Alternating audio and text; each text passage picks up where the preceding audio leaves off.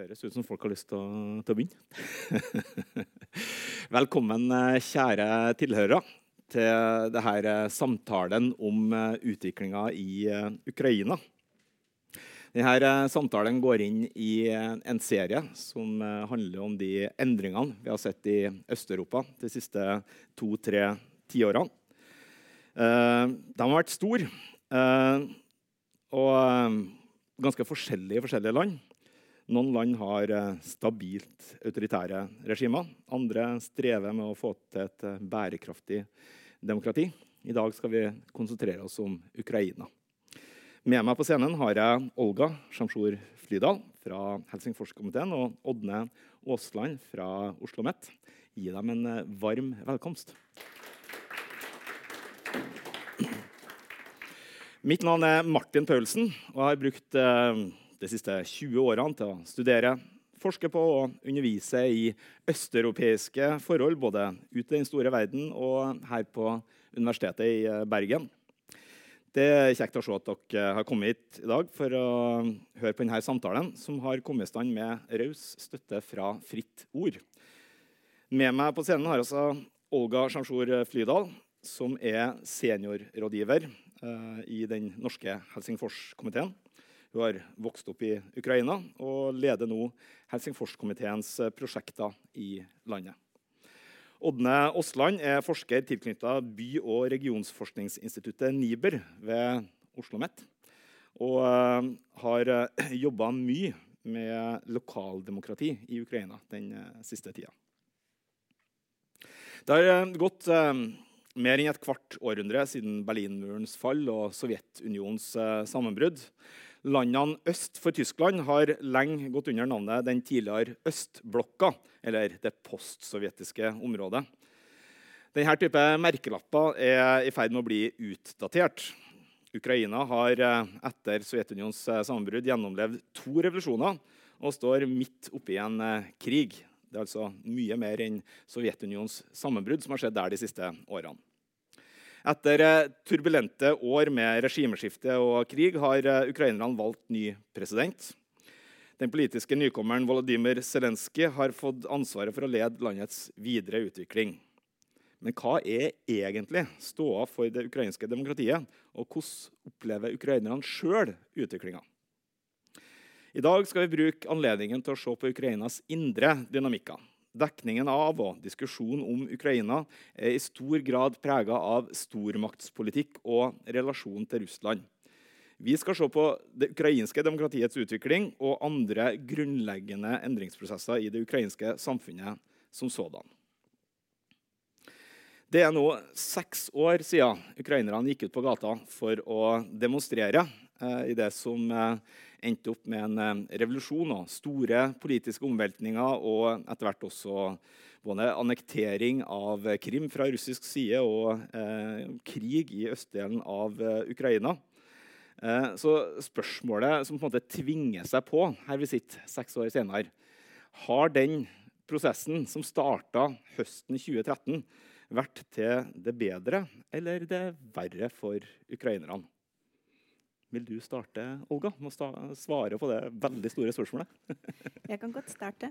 Eh, tusen takk. Og, tusen takk, eh, Martin. Tusen takk til dere som uh, kom for å eh, høre og lære mer om Ukraina. det spørsmålet er virkelig veldig stort, og, og jeg tror at du vil få like mange svar og forskjellige svar på det spørsmålet Ukraina, avhengig av hvor mange du spør. Um, Rumaidan, eller verdighetsrevolusjonen, den siste revolusjonen, eh, hadde jo som uh, uttalt mål en europeisk integrering og uh, tettere bånd til Europa og europeiske verdier. Og sånn sett så har jo det lyktes. Så hvis man ser på det på den måten, så har det gått til det bedre. For da har siden disse seks årene så har Ukraina fått en omfattende assosiasjonsavtale med EU. Eh, det er visumfritt eh, innreise til EU. Eh, e og det er klart at en del reformer som presset seg som en del av denne euroatlantiske orienteringen, de har også vært vellykket.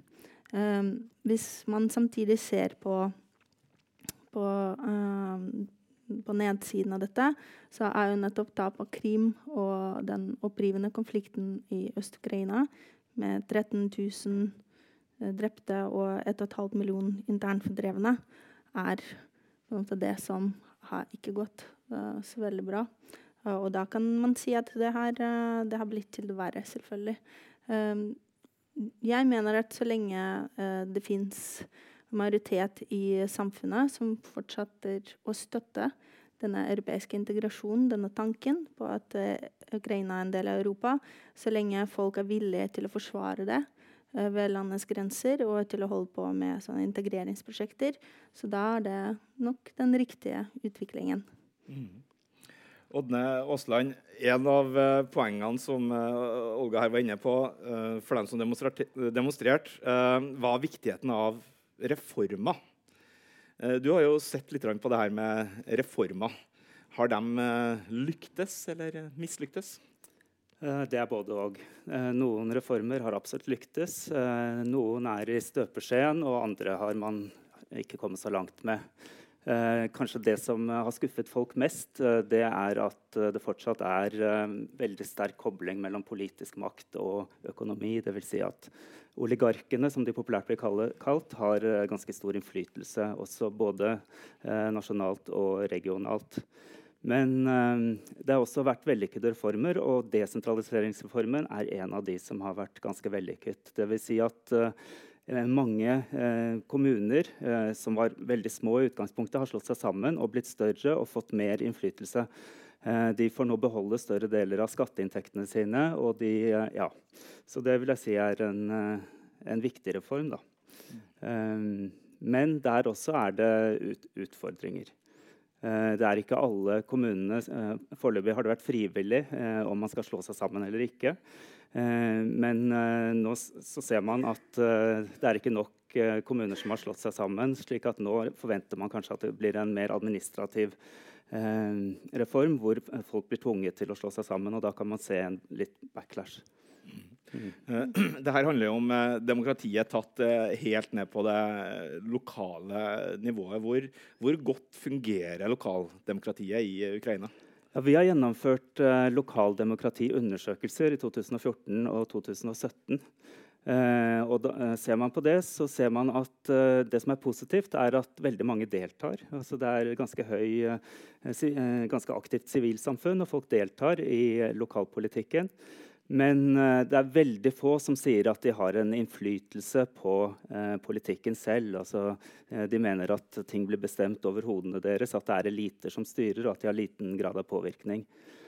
Eh, så ser man også at det er veldig stor forskjell mellom ulike kommuner. sånn at uh, Noen kommuner så uh, fungerer ting ganske greit, mens i andre kommuner så er det mindre, altså mer problematisk. At det kan f.eks. være lokale eliter som har veldig mye mer kontroll der enn andre steder hvor det er mer interaktivt forhold mellom de styrende og de som blir styrt. Da.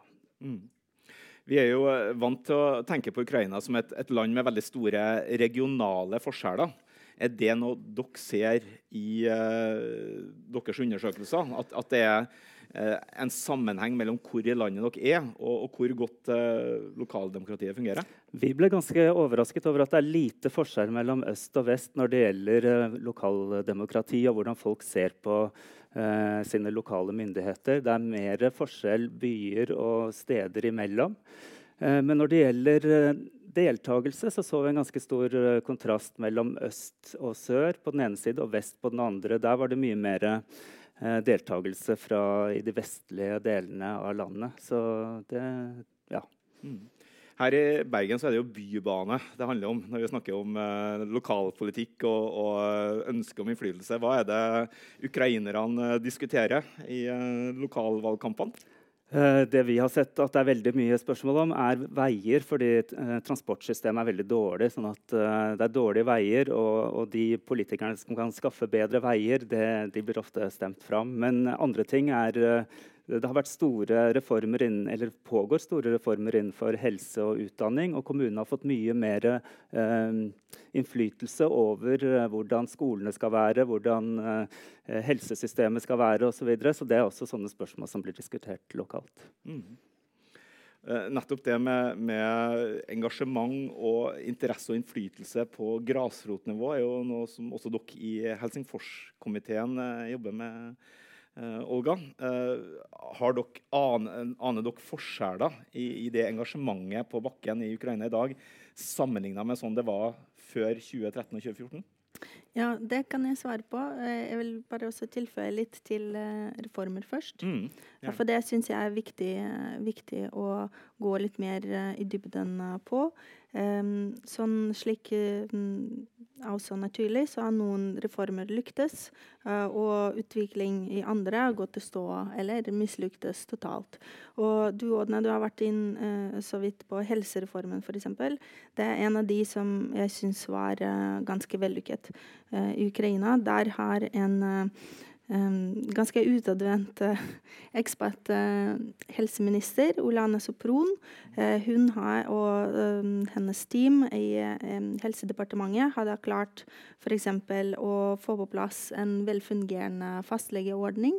Det som ukrainere ikke har hatt. Det de også har gjort, er at de har klart å bryte opp et ganske Eh, vanvittig korrupsjonssystem som var basert på innkjøp av vaksiner. Um, så de, um, ved å gå direkte uh, og kjøpe vaksiner direkte fra Unicef, så har de både kuttet prisen med to tredjedeler, forsikret seg at det, er ekte vaksiner og ikke falske vaksiner, samtidig som de tilførte statsbudsjettet flere millioner hrivni som ville tidligere havnet i lommene på folk som, uh, som tjente penger på det. Uh, så um, I tillegg så syns jeg at uh, hun ministeren har også vært en veldig god rollemodell for liksom hvordan statlige altså politikere eller toppbyråkrater skal fremstå. Hun har vært veldig åpen, veldig vennlig, snakket enkeltspråk, kommuniserte direkte med ukrainere. Eh, og eh, på en måte forklarte dem alt fra hvorfor kjerringråd ikke fungerer, til uh, f.eks. Var satt eksempel på hva en kvinne kan oppnå i Ukraina. Hvor, måte, uh, hvordan kvinnerollen også kan være i politikk. Eh, og samfunn. Um, så et annet uh, område hvor uh, det har vært store endringer de siste fem årene, er jo åpenbart uh, den ukrainske hæren. der er ordet kanskje ikke reformering, men reanimering. Um, for det måtte de jo for å kunne um, stå og forsvare landet sitt. og og eh, så syns jeg en del strukturelle reformer som ble ganske viktige for Ukraina. og Det er bl.a. å få på plass en uh, um, transparent online-system for offentlige anskaffelser, som også før har vært enorm kilde til korrupsjon. Uh, som heter Prosoro, som nå er, uh, brukes som eksempel i mange andre land og som inspirasjon. Eh, elektroniske eller sånn sel selvangivelser for folkevalgte. Og alle de antikorrupsjonsinstitusjonene, eh, bl.a. NABU, som er det mm, nasjonale antikorrupsjonsbyrå, jo, har vært intet annet enn revolusjonerende egentlig Ukraina. Og det som er også veldig viktig å påpeke, er at ingen av disse reformene ville vært mulig. Eh, og suksessene ville vært mulig uten, at, uh, uten presset både innenfra, fra det sivilsamfunn, og utenfra. Fra det internasjonale samfunnet, fra internasjonale organisasjoner, slik som uh, Det internasjonale pengefondet, uh, og også fra enkelte land, utenlandske partnere til Ukraina, bl.a.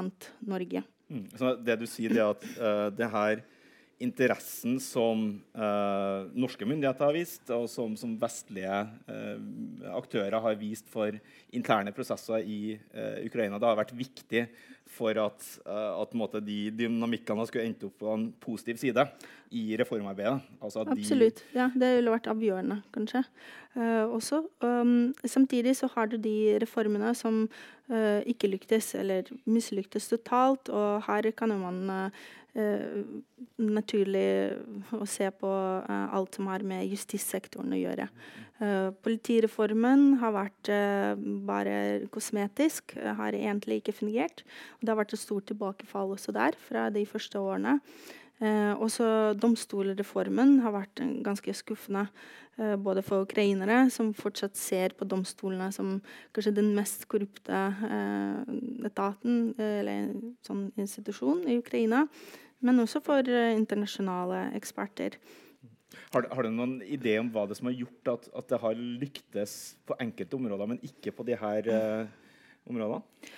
Uh, jeg pleier å tenke at um, uh, demokratiet i Ukraina har eh, på en måte kommet på en litt annen måte enn det har gjort det for etablerte demokratier. For Vanligvis så er det sånn at i det, det vi kaller gamle demokratier, så er det eh, rettsstat og maktfordelingsprinsippet som har kommet først. Og så har, har allmenn stemmerett uh, fulgt med. Mens Ukraina så har det vært omvendt. så De har fått allmenn stemmerett før du på en måte hadde disse viktige pilarene, demokratiske pilarene på plass. Og Det er nettopp derfor at uh, valget i Ukraina fungerer kjempefint. Uh, Helsingforskomiteen har vært og observert uh, flere valg, både lokalvalg, parlamentsvalg og presidentvalg de senere årene. og de gode nyhetene at valget fungerer. Eh, men det er nettopp at eh, Ukraina har arvet det systemet fra Sovjetunionen, hvor uh, på en måte maktfordelingsprinsippet det fungerer ikke. Og heller ikke rettsstat og uavhengighet av domstolene. Det er også veldig politisert. Uh, veldig um, lett å korrumpere, på en måte. Og det, jeg har ikke noe enkelt svar på det, rett og slett. Hvor, hvordan det kan fikses. Man ser det også veldig tydelig mm. på utnevnelser i rettssystemet. Det er et av de kontroversielle områdene hvor uh, de som har um, innflytelse, kan påvirke hvem som er dommere i Høyesterett eller i antikorrupsjonsdomstol osv. Så, videre. så det er mye kritisert av sivilsamfunnet, men likevel så fortsetter det å skje. Mm.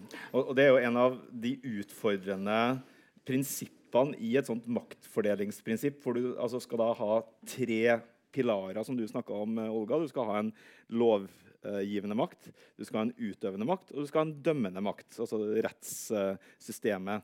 Men samtidig så skal det også utnevnes dommere inn i denne uh, dømmende makten. og Hvordan uh, klarer man den koblinga uten at det gjør at de andre maktene har for stor innflytelse på den dømmende makt? Det er kanskje det som er liksom, den der utfordrende koblinga mm. i dette tilfellet som, som, som ukrainerne sliter med. Eh, det som har uh, vært forsøkt nå, er at uh, de nye dommerne som skulle utnevnes, inkludert dommerne til konstitusjonsdomstolen, skulle gå gjennom en sånn litt større utvalgskonkurranse med flere ledd, og at sivilsamfunnet og eksperter, uavhengige eksperter skal kunne, skal kunne på en måte kommentere på Eh, på f.eks. recorden til disse dommerne. Noen av de korrupte, noen av de har vært innblandet inn i noen store uh, pengelandromatskjema eller politiske skandaler eller hva det er. Og det som har vært tydelig i de senere årene, er at um, selv om slike tilbakemeldinger og til og med uh, motdemonstrasjoner uh, har skjedd fra sivilsamfunns side, så har det påvirket prosessen i veldig liten grad rett og slett. Mm. Du var inne på det her, uh, Ådne, det her med altså at det er noen som sitter utafor prosessen og, og, og mm. påvirker den. Hva, hvordan foregår det egentlig i den ukrainske hva tenker du på at det påvirker? Ja, altså at det, det, er noen som sitter her med, med penger og, og oh, ja. Ja. ja. det eh, er en veldig tett kobling da, mellom uh, politisk makt og næringsliv. Sånn at uh, de som uh, har mye økonomiske ressurser, de kan kjøpslå med uh, politiske eh, politikere. Og ofte er det de samme menneskene. Sånn at uh, i f.eks. i det ukrainske parlamentet så er det veldig mange som, av disse rike menneskene som tenker at de kan få seg en plass fordi det kan fremme deres økonomiske interesser. Eh, og det blir en uh, Ja, så, så, den koblingen er veldig, veldig sterk, da. Mm. Mm. Mm. Um. Og generelt kan man også si at uh, Ukraina så har ikke politiske partier ble basert på ideologi, slik, eller kunne plasseres på de ideologiske aksene som på en måte vi i Vesten kan gjenkjenne og operere med, men har stort sett vært uh, oligarkprosjekter. Det har vært uh, på en måte enpersonsprosjekt uh, som, som ofte en oligark med sine ressurser ville da kunne lage et eget parti som kunne da fremme hans interesser i parlamentet. Mm. Du var inne på det her med uh, desentraliseringsreformen som en, en som jeg tolka deg, en positiv uh, reform. Uh, i, i, det du har sett på, noe, har du sett noen motsatte tendenser til, til at det ikke har gått så bra i det reformarbeidet som det man uh, ja, Når det gjelder desentraliseringsreformen, så er det bare én etappe av den som har vært veldig vellykket. og, og det å få f.eks. regionale eliter eh, til eh, Det sitter regionale eliter i de, eh, veldig mange av de 24 regionene i Ukraina. Og hva deres skal, rolle skal være framover, det er foreløpig ikke bestemt. Og den delen av reformen har de ikke greid å, å bli enige om enda, og, og, der er det også problemer at i, man må ha en For å endre Grunnloven så, så, må det skje en endring der. Mm. Mm. Ja, nettopp. Uh, uh, ja. Uh, her revolusjonen, Olga, den handla jo som du om i sted, om verdier. Du, du refererte til det som verdighetsrevolusjon, som er det begrepet ukrainerne veldig ofte bruker. I hvilken grad deler ukrainerne de verdiene som ligger til grunn for det europeiske politiske fellesskapet som man ønsker å knytte seg til?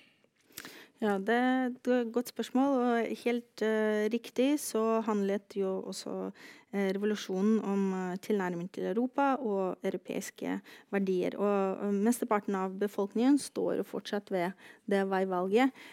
dessverre forstår ikke alle hva disse verdiene faktisk innebærer. og det gjelder både Vest-Ukraina som Øst-Ukraina. Det er faktisk veldig lite forskjell der på på en måte prosent eh, når man ser på sosiologiske undersøkelser. Eh, og delvis så kommer, disse, kommer det til syne når man ser på holdninger i delen av befolkningen til bl.a. kvinner og homofile og eh, romaminoritetene og andre minoriteter eller Eh, eller immigranter. Eh, så det er ganske så De europeiske verdier som inkludering og toleranse gjelder ikke mm. Eh, da. Da tenker man kanskje først og fremst på økonomisk velstand, når man tenker på at man skal være mer som Europa, og på en måte forkaster det menneskerettslige prinsippene som også følger med, nødvendigvis. Så mm, det kan gå fra bare passiv, eh, aggressiv eh, på en måte, holdning og hatprat til, mm, til ganske utagerende uh, oppførsel og angrep på, um, på eventer eller mennesker man ikke liker. Så eksempel bare forrige uke, forrige helg, var Helsingforskomiteens partner, Alena Sjevtsjenko, som jobber for en LGBT-organisasjon Inside, angrepet på åpen gata i Kiev og slått ned, og um, med ganske mye um, Hva skal man si um, veldig krenkende uh, budskap også som fulgte med. Uh, alt fordi at uh, hun er en ganske off offentlig person og åpen om både sin legning, men også det arbeidet som de gjør for LGBT i Ukraina. Og, og, det er selvfølgelig det er selvfølgelig ikke sånn det skal være. Mm, og det som er veldig interessant med verdighetsrevolusjon uh, for fem år siden, er at man kunne se på Maidan-barrikadene en sånn slags helt unntakstilstand, du kan si. Det var en uh, forståelse, samhold uh, og sameksistens bl.a. Uh, mellom uh, ultranasjonalister og LGBT, som også var representert på Maidan, som har måttet samarbeide og har samarbeidet og snakket sammen og fungert sammen. Uh, og det som nå skjer i samfunnet med mye hat og mye splittelse og veldig, veldig hard retorikk, rett og slett. Um, for, um, for ca. en uke siden så var det en stor, um, en stor konferanse i Mariupol, sør i Ukraina, der hvor um, presidenten har forsøkt å eh, starte en slags dialog med først eh, næringsliv. Eh, det var en stor næringskonferanse. Og så var det etterpå var en konferanse med sivilsamfunn, der hvor det handlet bl.a. om dette med hva man skal gjøre med hva man skal gjøre med uh, forskjellige holdninger, hvordan skal man tilnærme hverandre, forstå hverandre. Uh, veldig mye om overgangsjustis, altså transitional justice i Ukraina, konflikten og sånn type tema. Og på den konferansen var det en som snakket. Det er en veldig kjent ukrainsk filmregissør som heter Oleg Sentsov. Han har nettopp sittet i fire år i fangenskap i Russland. Uh, han er selv fra Krim, som var anklaget for terrorisme. Uh, og har sittet i en straffekoloni i Labutnangi i, Arktisk, i, Arktis. og nå kom han tilbake som en del av denne store utvekslingen som var. Og hans, hans tale på det um, forumet var ganske oppsiktsvekkende. Så det han sa, er at han ser dessverre at uh, etter å ha vært borte i fire år, og så kommer han tilbake, og så ser han at all den uh, på en måte all det gode uh, i samfunnet er borte. Og det han kalte det, han sa at verdighetsrevolusjon har blitt til hatets kontrarevolusjon. Så han han uh, sa jo det høyt, noe som veldig mange kvier seg for å si, fordi de tenker det er kanskje litt upatriotisk. Men det han sa, er at uh, ukrainerne må rett og slett tørre å anerkjenne at det ikke bare er krig med Russland eller korrupsjon som er deres problem, men det også fins en tredje problem. Og det er de selv. De må se på sine holdninger, de må se på uh, sine tanker, hvordan de møter andre mennesker. hvor hvordan de må også lære å tolerere andre meninger uh, og andre verdensbilder. Uh, og her er det store, uh, og, kanskje det største spørsmålet, er jo hvordan man skal forholde seg til sine egne statsborgere i de okkuperte områdene Elner og Dener. Mm. Altså um, Lugansk og Donetsk folkerepublikkene. For der de man ser på som som forrædere, har også en livshistorie og uh, er også mennesker og har også egne tanker og verdi og holdning. Og det er på en måte det er ditt ukrainsk, ukrainsk samfunn må. Det må modnes til å kunne akseptere andres uh, verdenssyn også, ikke bare sitt eget. og ikke bare tenke at de har rett og andre tar feil. Det er uh, veldig gode poenger. Jeg vil bare understreke at uh, man kunne godt tenke seg at det kunne vært enda mer nasjonalisme i Ukraina i dag enn, enn det man faktisk ser. Altså, ukrainerne Når det gjelder stemmegivning, så er de ganske moderate og sentrumsorientert. Uh, de stemmer ikke på de mest nasjonalistiske partiene, selv om man kan få inntrykk av at det er veldig mye fascisme og nazisme og så i Ukraina. Men jeg er helt enig i at det er en del veldig verdikonservative holdninger og, og en del problematiske holdninger. men likevel vi må tenke på at landet er i en konflikt. Eh, lang, langvarig militær konflikt. Og, og eh, da kunne man tenkt seg at mer nasjonalistiske holdninger ville hatt enda større appell. Så ganske mange ukrainere er ganske pragmatiske når det gjelder sin, ja, sitt syn på verden og, og sin fremtid. Mm. For det, det, er jo litt av spennet vi ser her. Altså, som, som uh, når det fremstilles i, i, i, norske medier, internasjonale medier, er ganske sjokkerende for leserne. For det, du, man kan jo se uh, eksempler på bataljoner som har deltatt i, i krigføring i Øst-Ukraina på ukrainsk side, som, som bruker veldig eksplisitt symbolikk. Uh, som, uh, som, vi på ingen måte kjenner oss igjen i. Altså, symbolikk som, som, ligger veldig tett opp til det nazistiske. Og så har vi jo sett eksempler på ytterliggående politiske parti. Eh, mens, mens, det du sier, eh, Ådne, det er at eh, de her partiene, når de går til valg, får liten grad av støtte. De får veldig liten grad av støtte. og Ytterliggående bevegelse ser man jo overalt i Europa mm. i dag. sånn at er, Der er ikke Ukraina noe unntak. Men, men uh, jeg, jeg, ville tenkt at det skulle være Sammenlignet med Russland da, så vil jeg si at det er mye mindre av den slags i, i Ukraina. enn Mm. en, ja. Jeg tror til og med hvis du sammenligner med andre sentraleuropeiske land Mm. eh, og Polen, så er det mye mindre. Og i valgene så får de under 1 um, men, det som, Mm. Og- ja. men det som har skjedd, er at um, disse, uh, særlig etter uh, Ramadan-opprøret, uh, så har disse um, høyreradikale bevegelser de er på en måte blitt da mm, legitimert fordi at uh, gjennom deltakelse i både Romaidan, men også som frivillige bataljonger. Eh, men det betyr ikke at ukrainere kan på en måte stemme på dem, eller stemme på den type uh, retorikk eller politisk visjon av landet, som da ganske intolerant og innsnevret hos de veldig utelegående. da. For det, det vi snakker om her, er, kanskje to litt ulike ting også. På den ene sida har vi det som vi måtte kjenne fra, fra norske medier, beskrivelsen av, av de her veldig ytterliggående eh, gruppene, som, er, som vi ser er relativt begrensa.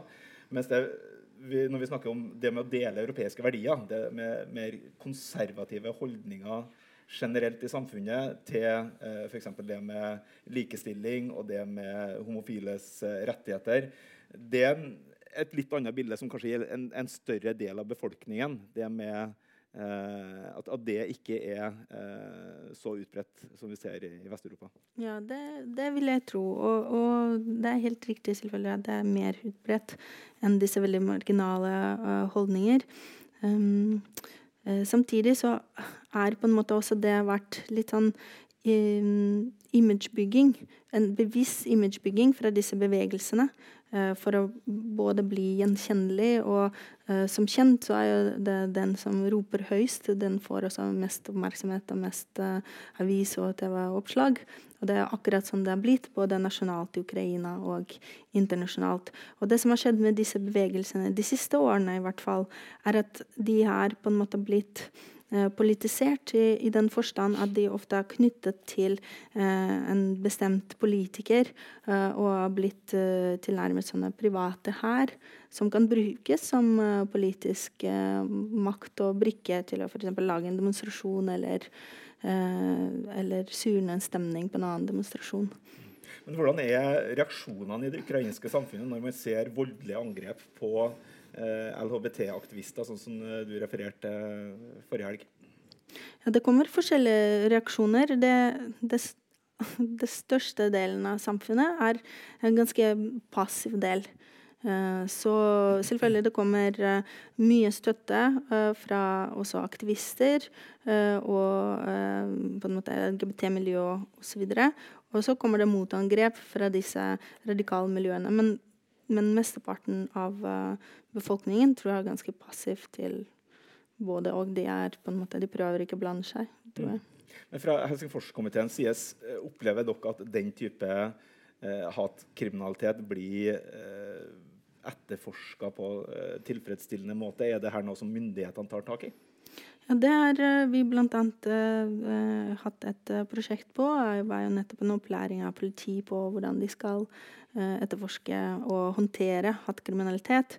At ikke LGBT-personer som blitt angrepet på gata, skal også bli banket opp på politistasjonen en gang til. Eh, så, men eh, det, det er klart at dette er en eh, ganske saktegående prosess. eh, og det mm, Jeg tror at um, det er mange som forstår viktigheten av dette. At særlig da politiet for eksempel er klare til å håndtere det. Uh, men det er klart det tar uh, Det er på en måte endring av eh, Det skal endre veldig mye før du på en måte klarer å endre he hele landets politi. Så det blir, det blir ganske um, begrensa, kanskje, effekt. Mm, mm. Dette, det, er en, det er en prosess som rett og Ja, slett trenger den, tid for å den prosessen trenger tid, og Ja. selvfølgelig innsats og eksperter som jobber med det. Mm. Og politisk vilje også fra eh, høyeste hold, sånn at eh, f.eks. disse opplæringene fortsetter og faktisk eh, oppfordres, eh, istedenfor å på en måte bli nedprioritert. mm.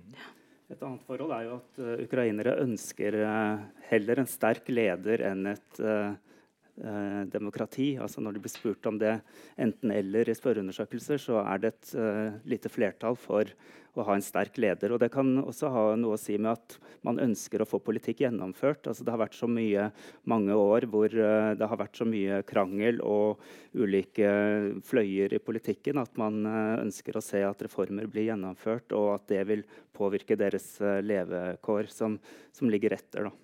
Mm. Ja, det, det, kjenner meg igjen. Også, også fordi at uh, Lee Kuan fra eh, Singapore uh, er jo en, på en måte gjenganger når du spør uh, hva slags leder har du lyst på.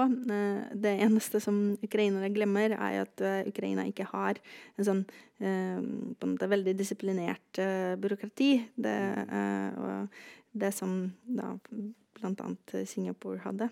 Så det er flere forutsetninger som ikke er der, rett og slett, for at Ukraina skal kunne være den nye Singapore. Mm. Men uh, den tanken dukker stadig opp, både i media og hos enkelte eksperter, at det er det vi trenger. Mm. Mm. Og, da er det snakk om en, en, en, eh, en, sterk leder som kan også avstedkomme en økonomisk vekst. Uh, i, uh, ja. Um, samtidig så er det jo en kompliserende faktor ganske, i ganske stor grad. Du var inne på det i stad, Olga. Det, det, foregår jo tross alt en, en krig i Øst-Ukraina. Hvor eh, ikke minst eh, nabolandet Russland er, er sterkt eh, involvert. Vi skal ikke eh, ha ambisjoner om å løse den konflikten eh, her nå. Men eh, jeg er litt interessert i hva betyr det her for vanlige ukrainere? Uh, har, har du, altså, du, har jo reist eh, mm. rundt i Ukraina og, og snakka med folk eh, i ja. ulike deler av landet. Hva, hva, sier folk om det? Altså, I gatebildet så ser man ikke at det er noen konflikt i Ukraina. Bortsett fra at da jeg var der nå, så var det en del demonstrasjoner. Eh, fordi man, eh, og det, det gjaldt eh, eh, ja, nye politiske framstøt. Men, men sånn ellers så ser man det ikke. Men det ligger hele tiden under overflaten, og, og folk er veldig opptatt av det. Eh, et, eh, en viktig faktor er jo at det er veldig mange internt fordrevne. altså flere, Mange hundre tusen mennesker som uh, flyktet fra Donbas-området, og som bosatte seg rundt omkring i hele landet. og som Eh, da konkurrerer om eh, ja, samme arbeidsplasser og osv. med eh, Det er kommunene som har ansvaret for deres ve og vel, men, men det tapper lokal, lokalsamfunn for ressurser. Så de er ikke alltid like populære, samtidig som det har vært en stor altså Sivilsamfunnet har også gjort, gjort veldig mye for dem. Men, men, likevel så er det en, en ting som påvirker. Og, og i tillegg så så er uh, folk redde, altså unge gutter er redde for å bli kalt ut i, og skal, og skal uh, kanskje uh, ut i, i krig. Og, og, til og med da, for de som bor i Øst-Ukraina, så skal de da Kanskje noen er uh, russere selv og, og, tenker at de da må ut i krigen og skyte på sine russiske venner. Altså, folk jeg har truffet, har snakket om sånne ting. ja. Mm. Uh, ja. Ja, jeg tror alle kan enes at uh, det å ha en krig er ufattelig ødeleggende for samfunnet. Og ukrainske samfunnet, slik jeg oppfatter det, er veldig traumatisert. og det fører med seg flere uheldige konsekvenser. terskelen for vold, bl.a., blir lavere. så blir man på en måte sånn militarisering på en måte av samfunnet finner sted. Eh, også det vi også snakket om, om legitimering av eh, um, høyradikale f.eks., eller ultra av noen slags bevegelser. Det også blir litt mer akseptert. Um, så det er selvfølgelig helt uh, forferdelig for samfunnet å ha en krig. Uh, og noen klarer å leve, sånn som du sier. Sånn I byer så ser man ikke det. Eh, i det hele tatt. Egentlig allerede kanskje 50 km fra, fra mm, frontlinjen, så ser man det ikke.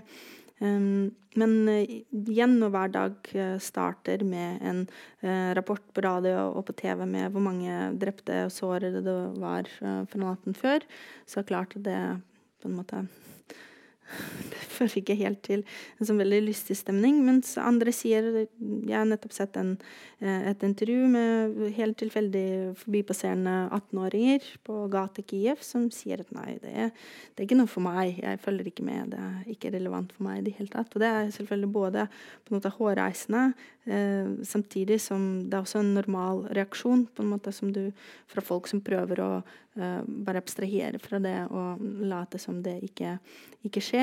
Det, det, eneste som man kan kanskje si godt som har kommet ut av den krigen, en, ene tingen, er jo nettopp konsolidering av uh, det ukrainske samfunnet rundt den nasjonale ideen. At folk begynner å forstå litt mer hvem de er. De er ukrainere, hvem de er, hva de er, hva er det de vil, hva er det de slåss for, osv. Men igjen, det er en, en um, på en måte også liten del av samfunnet som, uh, som den, den, veldig aktive, på en måte um, patriotiske delen av samfunnet som, som, får nyte av det. på en måte. Hva er det de er enige om? Hva er det ukrainerne tenker på som sitt felles prosjekt? Er ikke som felles prosjekt. Det er et uavhengig land som, er, eh, som har en klar euroatlantisk orientering og blir da en del av EU på lang sikt. Det er jo det. Mm. Men jeg vil si at, uh, at uh, ukrainere flest er ikke så antirussiske heller som man uh, kunne tenke seg. Uh, og det, det, at man tror at man enten må velge mellom vest og øst, det er det mange ukrainere som reagerer på. De mm. ønsker, mange ønsker et pragmatisk forhold til Russland. De, de, er ikke så veldig glad i Putin og hans regime, men de ønsker åpne, åpnere grenser og, og lettere å drive handel med Russland. Og, og de har også, mange har en sterk fot i den russiske kulturen, den slaviske uh, kulturen, som, som uh, mange verdsetter. Så det er faktisk uh, flere i Russland som er anti-ukrainske enn den andre veien. Mm. hvis man ser på meningsmålinger. Og, og, og du har jo jobba litt med, med, en av på en måte, eksemplene på denne identitetsutfordringa som ligger internt i det ukrainske samfunnet i dag. Ja. Altså det her med forholdet mellom det ukrainske språket og det russiske språket. Det russiske språket som på den ene sida er et eksempel på det russiske, altså det nabolandet som man nå ligger i konflikt med, mm. men som på også den andre siden for veldig mange av dem som bor i Ukraina i dag, er det språket de er vokst opp med og, og lever med. Mm. Så, så, egentlig så har folk uh veldig, folk flest har et veldig pragmatisk forhold til bruk av språk. altså De snakker russisk og ukrainsk om hverandre. Nå er ukrainsk blitt innført som eh, Eller det har vært lenge innført, men nå eh, gjennomfører det man mer tydelig som det språket som skal brukes i offisielle sammenhenger, mer i massemedia, på skole osv. Men i dagliglivet så, så skifter folk og, og, snakker eh, russisk og ukrainsk og sursjik, som er en slags mellomting i, i de, svorsk, ja, i, i de østlige vestlige områdene uten at det har vært noe problem. Og, og jeg, mitt inntrykk er at uh, språkreformen er mer på det politiske plan, mens i dagliglivet så er folk ganske uh, avslappet i, når det gjelder uh, hvilket språk de skal bruke. Det de er opptatt av, er at i Ukraina så er det også en gammel altså så er det også russere som har bodd i århundrer, og som også skal ha en naturlig plass. Um, ja, Samtidig så har vi intervjuet eh, foreldre og, og skolebarn som syns det er kjempeviktig at de lærer seg ukrainsk, og, og, er opptatt av at uh, de bor i Ukraina nå. Skal de ha sosial, mobilitet i landet sitt, så må de eh, for å få høyere utdanning videre, som nå gis på ukrainsk, så ønsker de å gi barna sine en bedre fremtid. Det betyr ikke at de ikke også um, kan, kan snakke russisk. Mm. Så, mm. så, som du sier, En sånn pragmatisk, grunnleggende holdning til det forholdet blant, blant, veldig mange? Blant veldig mange, men politisk så er det jo et av de store brennbare temaene som uh, de ulike politiske partiene ofte har hatt uh, veldig polariserte synspunkter rundt. Mm. Sånn at uh, Det er jo den første loven som altså, Janukovitsj innførte ny språklov, og den første, første etter Euromaidan, nye parlamentet, det var å, uh, å, prøve å oppløse den språkloven. Så det veldig sånn, ligger veldig mye symbolikk i, i språkpolitikken. Mm. Mm. Uh, samtidig så uh, og Nå begynner vi å bevege oss opp til, til, til dagen i dag. Jeg har sett litt på det her bakteppet uh, for, for, dagens situasjon. jeg var inne på innledningsvis at Ukraina tidligere i år fikk ny president. Uh, Volodymyr Zelenskyj. Og når jeg sjøl deltok på et arrangement om Ukraina i februar, så spådde jeg at han aldri i verden kom til å bli president. Eh, og så gikk han av gårde og, og vant ganske overbevisende. Eh, kan dere si noe om han, og hvorfor han ble valgt? Eh, vil du prøve på det, Olga? For å forklare hvorfor han kunne bli valgt til president? Ja, jeg kan forsøke. Eh, det som var veldig interessant med den eh, presidentkampanjen, var jo at Zelenskyj på en måte han var for alt og for ingenting. Altså, det var såpass vagt hva, hva, han var for, um, at noen ukrainske intellektuelle kalte ham for en virtuell kandidat. Så det rett og slett kan fylle ham inn med dine egne tanker og ideer og forhåpninger og ditt eget bilde. Så bare det at han på en måte kunne appellere både til pro-europeiske og pro-russiske samtidig, det sier jo ganske mye. Altså, ingen har klart det før det, i uh, Ukraina. Det, så det Så var uh, kampanjen bygget ganske smart. det var veldig mye bruk av sosiale medier, så de forkastet nesten det tradisjonelle hovedmediet for valget i Ukraina, dvs. Si TV-en. samtidig som også det var flere TV-kanaler som støtta Eh, han ganske eh, mye. Så det, apropos hvorfor måte, han klarte å, eh, å, vinne. Og Han vant i alle fylkene, bortsett fra én. og da fikk like mye støtte i Vest-Ukraina som han fikk i Øst-Ukraina. Og det sier ikke så rent lite. og det som er veldig interessant også med han, er at han har lagt seg på Nettopp fordi han har vært så vag i sin holdning Eh, og fremtidsutsikter, så tror jeg de fleste har oppfattet ham som på en måte en mellom Eh, på en sånn sånn den gylne middelvei mellom den mer krigerske tidligere presidenten, som ville på en måte opprettholde en sånn status quo og krig og veldig sånn håk, eh, og den veldig veldig prorussiske, den åpenbart liksom prorussiske eh, kandidaten, som da mange fryktet ville bare selge ut Ukraina tilbake til eh, Russland. Så det at på en måte han har lagt seg på en veldig sånn forsonende linje, både i dette forsøket med å sy sammen øst og vest, men også overfor Russland, på en måte holde alle dørene åpne, det, det var nok uh, en, god, en god drahjelp mm, der. Mm.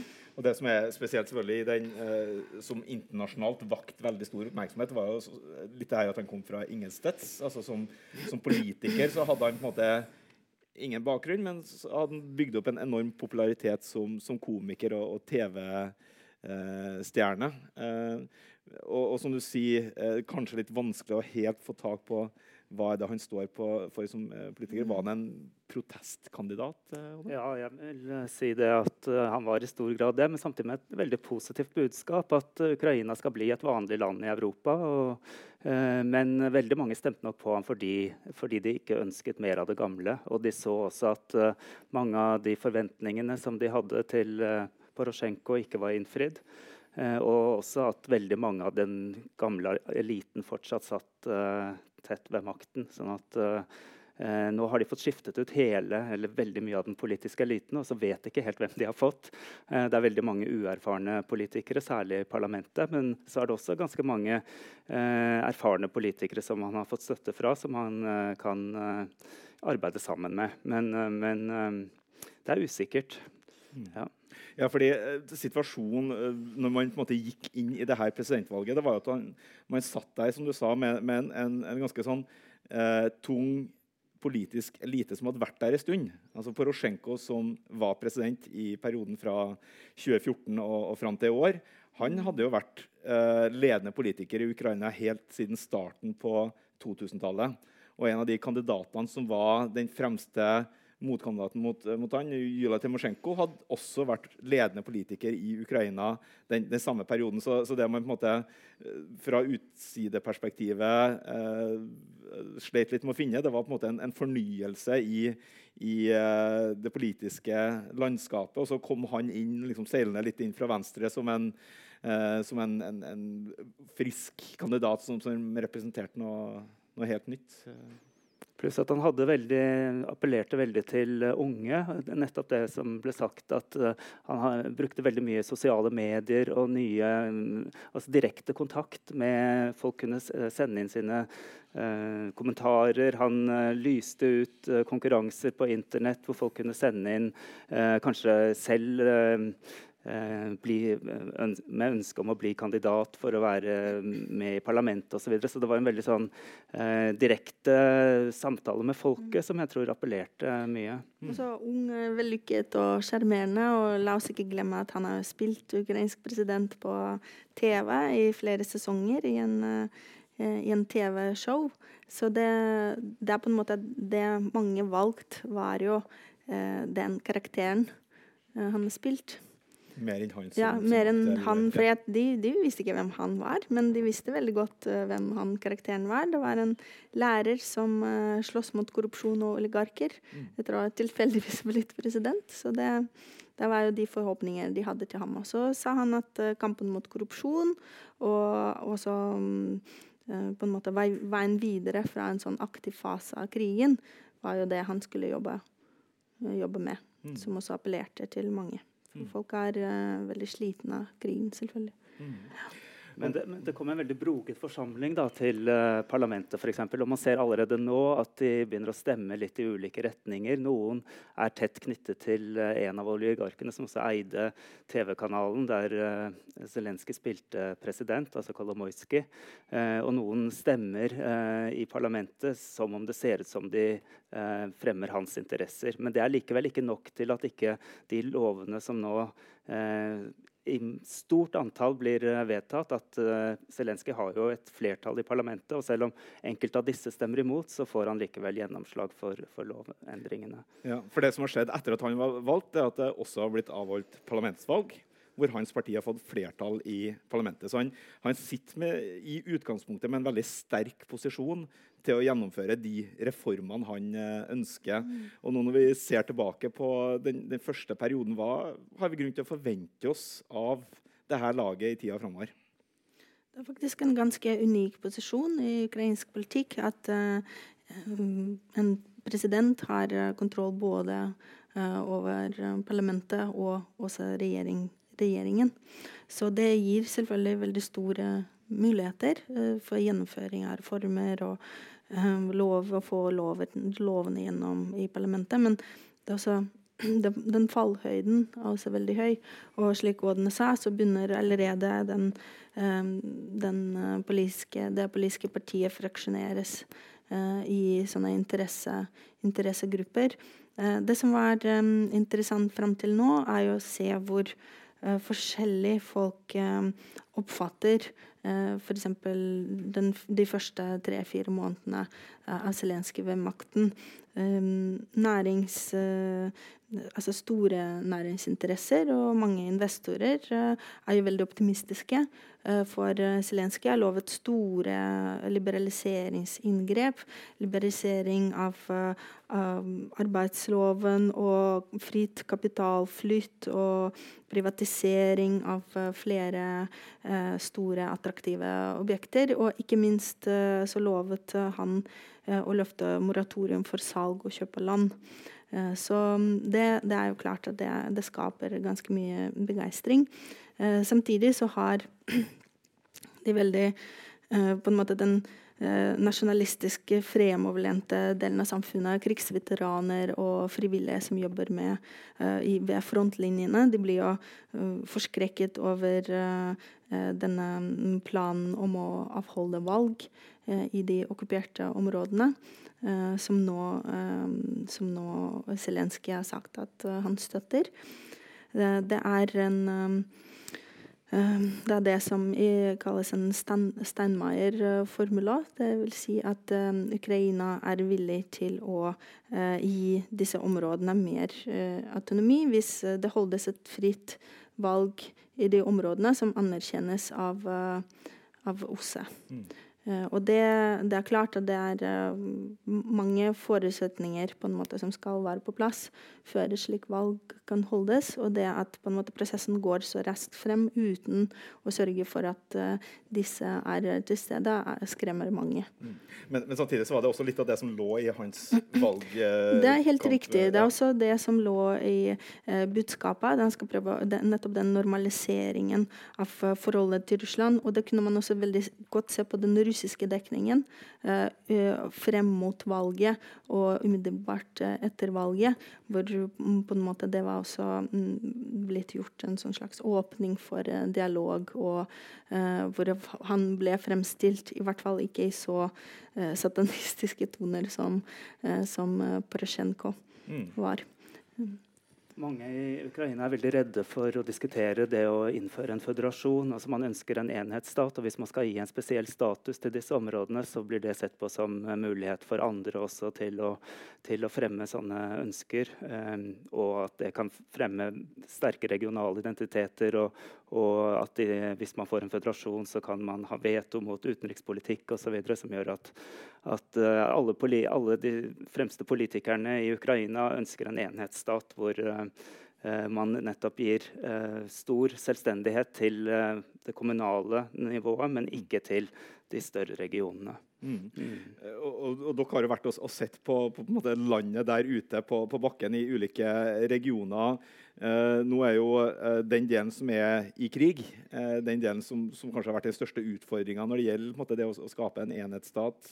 Er det andre potensielle regioner hvor, hvor det med en mer føderativ tilnærming vil kunne Måte, ja, det har vært snakk om det også i vestlige områder, altså grenseområder til uh, eh, Ungarn, altså Zakarpatia, eller Transkarpatia. Mm. Eh, og det er områder som eh, grenser mot uh, Romania. Der har det ikke vært så høyt på dagsordenen, men det har likevel vært noen fremstøt fra uh, grupper i Romania som har uh, fremmet sånne ting. Sånn at eh, det ligger som, litt sånn underliggende, men det er ikke egentlig høyt oppe på dagsordenen. Og jeg tror ikke det er aktuelt eh, med noe den typen. Men, men noe, hvordan man skal ivareta minoritetene, altså etniske, språklige, regionale, religiøse minoriteter, det, det er noe Ukraina kommer til å måtte arbeide med eh, framover. Ja. Mm. Mm.